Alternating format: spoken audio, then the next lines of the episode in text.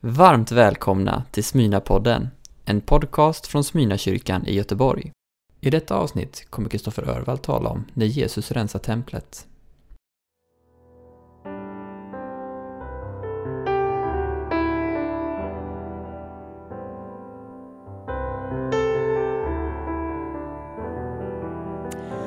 Välkommen till Smyrna kyrkan i Göteborg och Smyrna Play, din kyrka på nätet. Vi har precis börjat en påskvandring, vi började igår. En vandring där vi följer Jesus steg för steg under åtta dagar i Jerusalem, hans sista vecka. Den veckan som för alltid förändrade världen. Och du är så välkommen att vara med oss under den här vandringen den här veckan. Igår var det palmsöndag och då såg vi hur Jesus red in i Jerusalem på en åsna och hur människor sjöng Hosianna-sånger och bredde ut sina mantlar och viftade med palmgrenar och det var fest i Jerusalem. Idag är det en helt annan stämning. Och idag ska vi följa med Jesus upp till templet, till tempelplatsen. Därför templet i Jerusalem var en skönhet, en riktig turistattraktion. Och nu ska vi se när Jesus går dit upp, en annan sida av Jesus än det vi är vana vid när han idag rensar templet. Ser vi går upp till Jerusalem i heliga fastetider. Att skåda hur Jesus Krist, Guds son, i syndares ställe.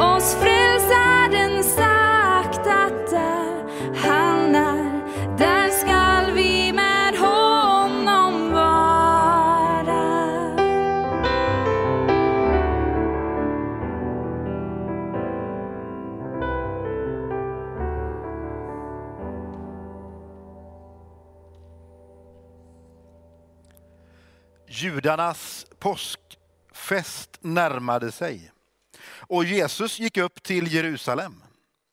I templet stötte han på dem som sålde oxar och får och duvor och de som satt där och växlade pengar. Han gjorde en piska av repstumpar och drev ut allt sammans ur templet med deras får och oxar. Han slog ut växlarnas pengar och välte omkull deras bord. Och till dem som sålde duvor sa han, bort med allt det här. Gör inte min faders hus till en saluhall. Och hans lärjungar kom ihåg att det står skrivet, lidelsen för ditt hus skall förtära mig. Judarna sa då till honom, vad kan du visa oss för tecken, du som gör så här? Jesus svarade, riv ner detta tempel så ska jag låta det uppstå igen på tre dagar. Judarna sa, i 46 år har man byggt på det här templet och du ska låta det uppstå igen på tre dagar. Men det templet han talade om var hans kropp. När han sedan uppstod från de döda kom hans lärjungar ihåg att han hade sagt detta. Och de trodde på skriften och på ordet som Jesus hade sagt. Det här är en omtumlande berättelse. Ibland läser vi Bibeln och så kommer vi på något sätt förbi berättelsen utan att vara särskilt berörda. I den här texten är det några grejer som slår mig ordentligt. Det som är tydligast är ju hur Jesus reagerar. Alltså, han kommer från en, ja, men en fullständigt segertåg. På gott humör måste han varit efter det där intåget i Jerusalem. Det var palmblad och det var sånger och jag tänker att det var popcorn och massa härliga grejer. Och så kommer han till tempelplatsen. Den där platsen som skulle vara en plats för mötet mellan Gud och människan. Och så ser han vad som har hänt. Han ser hur tempelplatsen har blivit en saluhall. Det säljs och det köps. Och det är någonting i detta som gör att Jesus säkringar på något sätt, ni vet de där inre man har som håller en någorlunda sansad. De säkringarna bara brister. En, eh, en klok människa kan man tycka, eller en någorlunda politiskt korrekt person hade ställt sig upp och sagt, hör ni ni, lyssna på mig. Så här ska det inte vara. Ni har gjort det alldeles för svårt för människor att komma till Gud. Men Jesus, han gör något helt annat. Han kommer in i tempelplatsen och så, det här står ju inte, men jag anar att han börjar, han liksom börjar liksom grymta nästan. Och så hittar han några läderbitar, knyter ihop och gör en piska. Och med denna piska så driver han ut får och oxa, oxar och växlarnas pengar. Det är kraft. Jag är ingen, ingen agronom alltså. Det här med jordbruk och det, det är inte bra. Vi, jag, jag, kan till och med ta död på en orkidé på ett par veckor där hemma. Jag kan inte det där. Men jag vet att oxar, och inte minst oxar i plural, det är enorma varelser. Det är bestar. En gång på ett läger så var det några kompisar, det var länge sedan, väldigt länge sedan förstås. Och då tänkte vi att nu ska vi gå och hämta en ko. Och så ska vi leda in den här kon till eh, tjejernas sovrum. Och så kommer alla tycka att det här är roligt. En fullständigt strålande idé, förstås. Men bara vi närmade oss kon där på natten så var det helt omöjligt. Den var hur stor som helst. Jag är ganska stor, men kon var ännu större. hade varit helt omöjligt att flytta den. Jesus får oxar, alltså kor uppskalad och sen oxar i plural, att röra sig. För Jesus kommer med kraft. Det flyger pengar, det händer massor. Och det är inte det att Jesus inte kunde behärska sig. Han visar prov på att ha stor förmåga att behärska sig. Senare i evangelierna så hänger Jesus på korset. Han bär hela världens synd och skam. Vi kommer få vara med och uppleva det i den här påskvandringen han håller sig lugn. Trots att han bär hela världens skuld på sig så håller han sig lugn. Vid ett tillfälle så möter Jesus ondskan, djävulen, Satan själv. Det mötet kommer vi också få läsa om i den här påskvandringen. Men även då håller sig Jesus behärskad. Han är inte den som har issues med sitt temperament. Han är lugn. Hans säkringar är intakta och det brister inte särskilt ofta för Jesus. Men här gör det det. Varför då? När brister det för dig? För mig brister det ibland. Jag är också inte lika lugn som Jesus, men jag är ganska lugn och stabil person. Jag tror mig kunna vara med om ganska mycket och har varit med om en del. Och Det är som att livet, det har hållit. Jag har hållit. Fast att det har kunnat skaka på insidan så har jag på något sätt hållit ihop. Men det finns tillfällen och det rasar för mig. Då jag på något sätt rasar.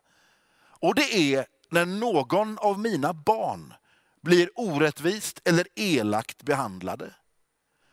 Alltså då är det som att alla säkringar inom mig på något sätt bara går. Och fast att jag vet att de som har gjort de här grejerna mot mina barn också är barn och också är någon annans barn. Och att jag rent intellektuellt kan tänka att jo men barn är ju elaka mot varandra ibland. Så när jag hör att någon rör mina barn, Alltså då vill de här hundra kilorna bara kasta mig över och ta ett ordentligt samtal med både föräldrar och morföräldrar och personal och lärare, pedagoger och sjuksystrar och allt. För man rör inte mina barn. Då går mina säkringar. Då brister det för mig. Jag tror att det är samma kärlek hos Jesus som gör att när han ser att platsen som var tänkt för en mötesplats mellan Gud och människor hade blivit en plats som satte upp hinder för människan att möta Gud. Då brast det för Jesus. Hindra inte mina älskade barn att komma till mig.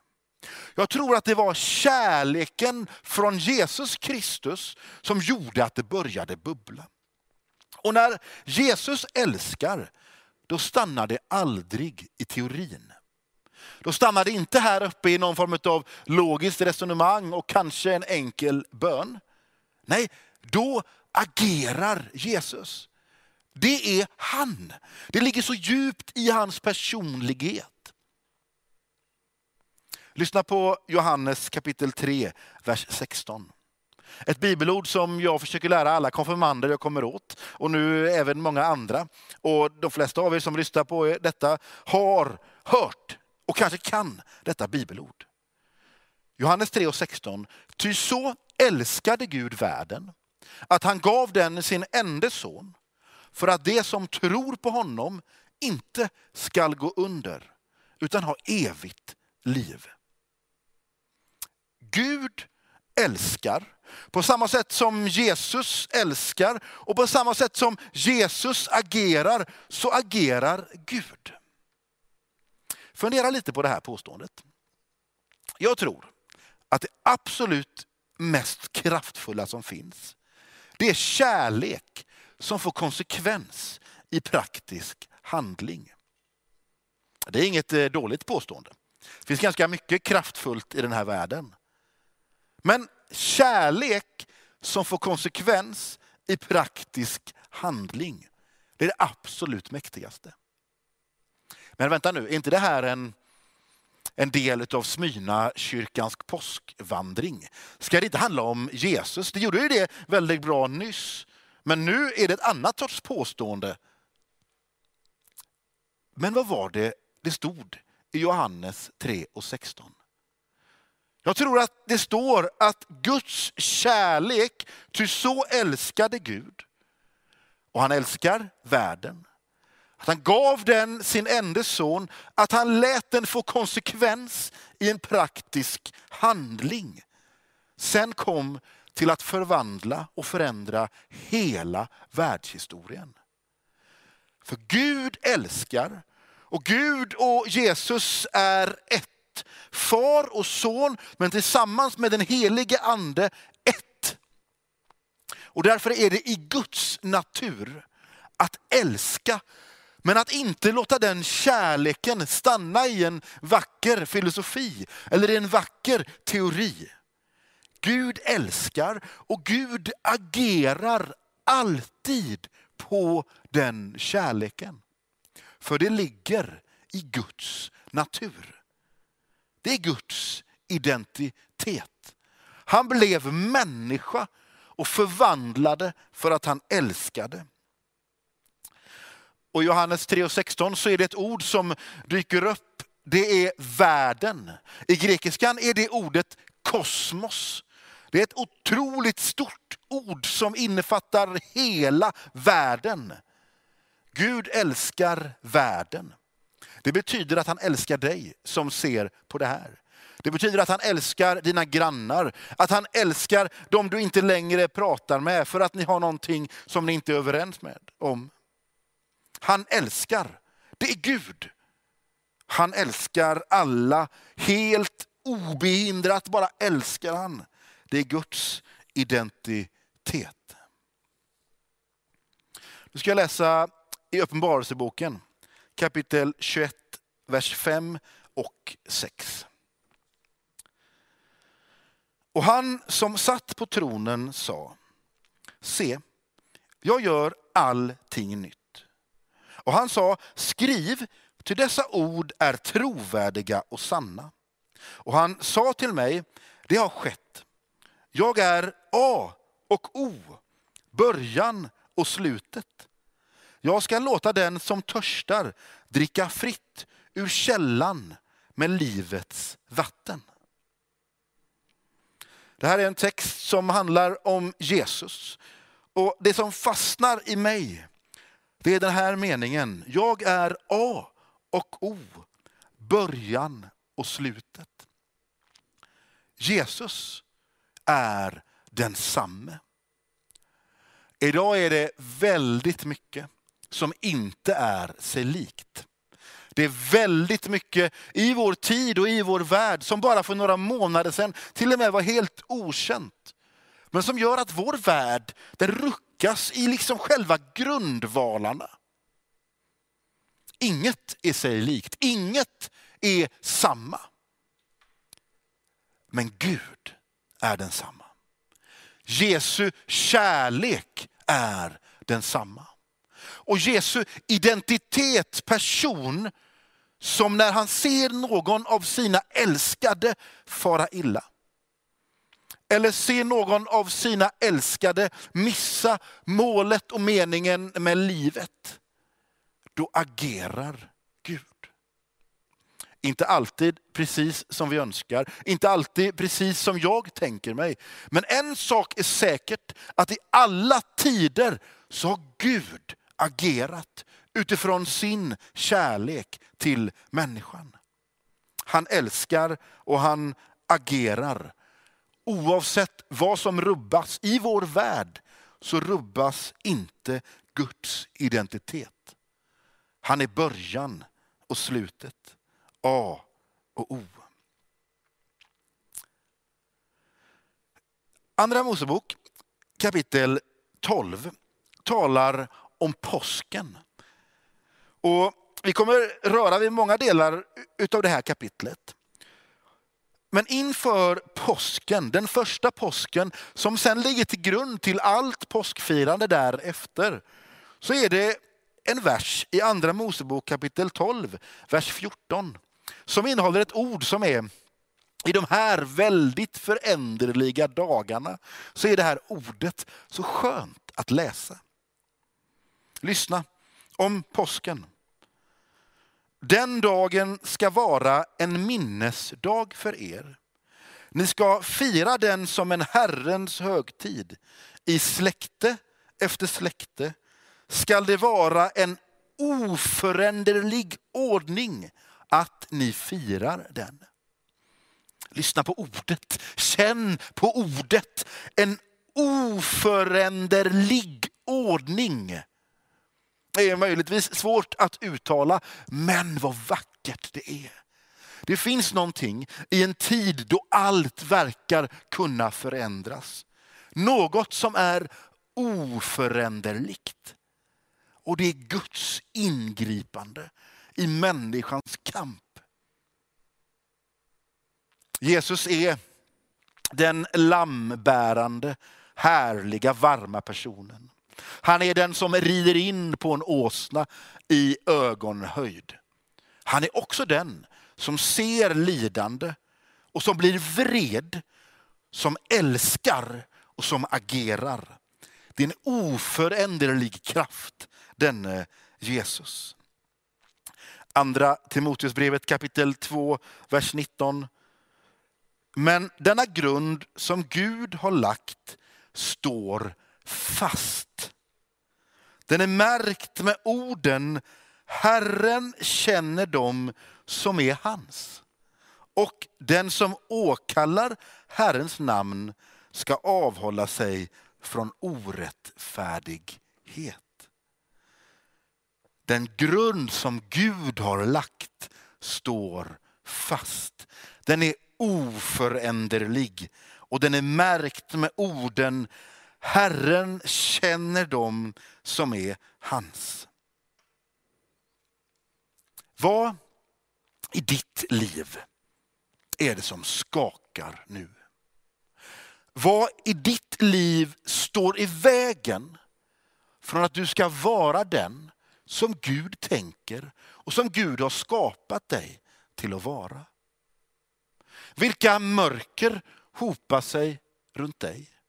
Vilka murar, vilka väggar har rests mellan dig och Gud?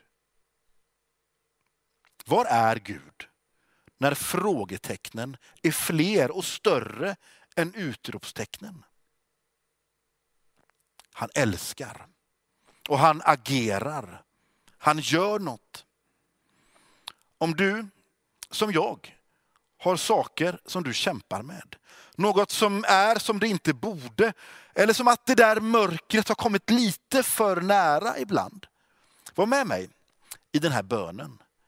Var med och be för att Gud ska riva ner, rensa bort allt det där som står i vägen mellan dig och Gud. Vi ber. Herre, för att du är densamme.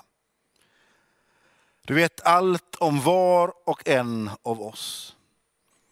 Du vet vad som är våra väggar, vad som är våra kamp, våra hinder. Herre, tack för att du älskar, att din kärlek är oföränderlig, att du står fast och att du agerar. Herre, nu vänder vi oss till dig, kommer som de vi är, med det som brister i våra liv. Och så möter du oss som den du är. Herre, rensa bort när oron blir för stor. När ångesten hindrar oss till att röra oss som vi borde. Herre, gör oss fria. Och lär oss att älska som du älskar. Hjälp oss och riv ner väggar. Herre, i Jesu namn. Amen.